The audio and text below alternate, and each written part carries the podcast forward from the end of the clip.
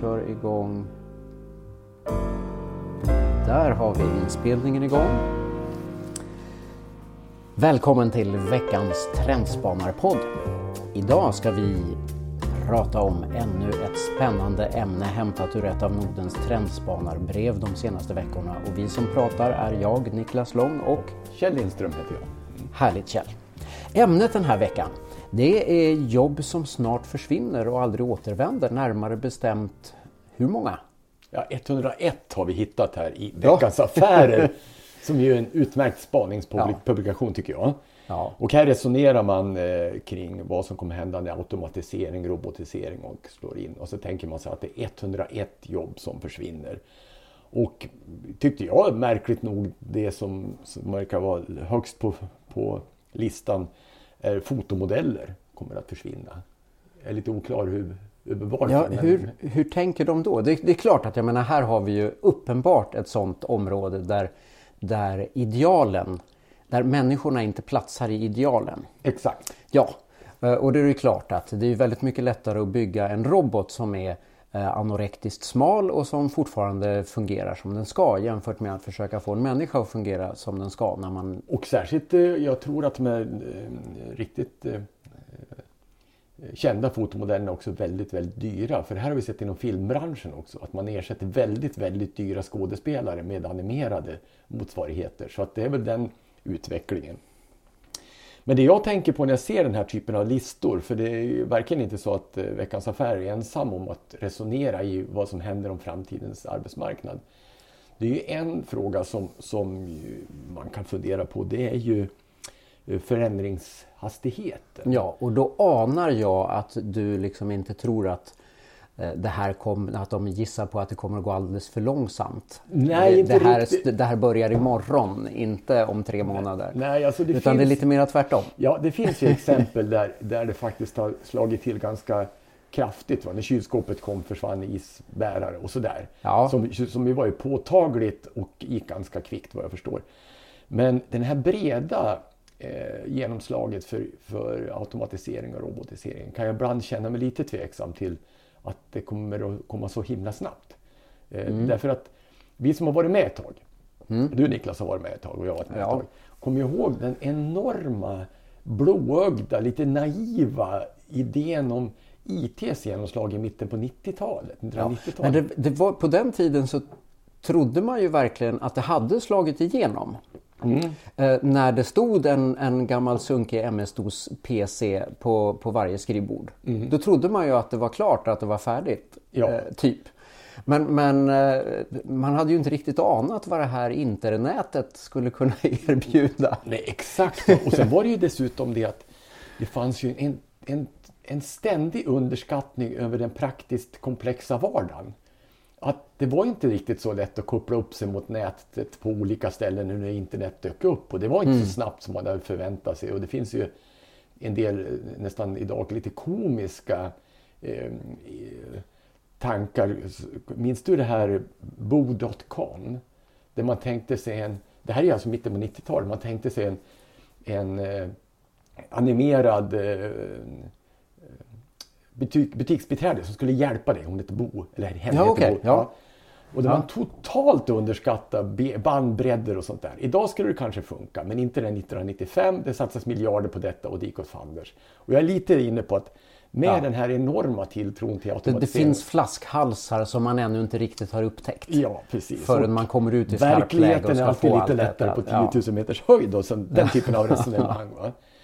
Eh, men du hade också någon... någon ja, för en, en sak som jag reflekterat över här som jag tycker är jättespännande det är ju deras underrubrik här i Veckans Affärer. Eh, vilka yrken kommer försvinna först från Sverige när robotarna tar över? Mm.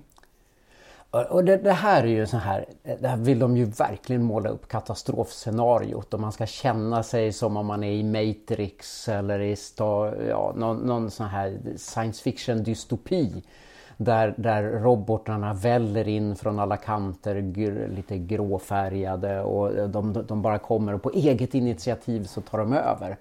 Men, men frågan är ju, vad är det som händer? Vem är subjektet i den här förändringen? för vem är robotarna en bra lösning? Vem är det som driver den här utvecklingen? Men det svaret tycker jag är ganska enkelt. Alltså egentligen. Det är ju, jag tycker det här är managementindustrins stora dröm på att hitta lösningen på den mest, alltså en resurs som är väldigt oförutsägbar och ganska dyr, det är ju människan. Och kan man hitta system där man kan plocka bort den oförutsägbara och dyra resursen i systemet och ersätta den med billigare mm. och effektivare mm. lösningar. Och det är det här jag tror gör att det blir så enorm eh, till förhoppningar kring det här. Att det ska lösa problemet att vi får bort människor ur produktionen. Så är det. Ja, så, det, så ditt svar är helt enkelt follow the money? Follow the money, det tror okay. jag verkligen. Så, så på frågan, eh, frågan som ställdes för ett antal decennier sedan, är du lönsam lille vän? Mm. Så är svaret nej. nej.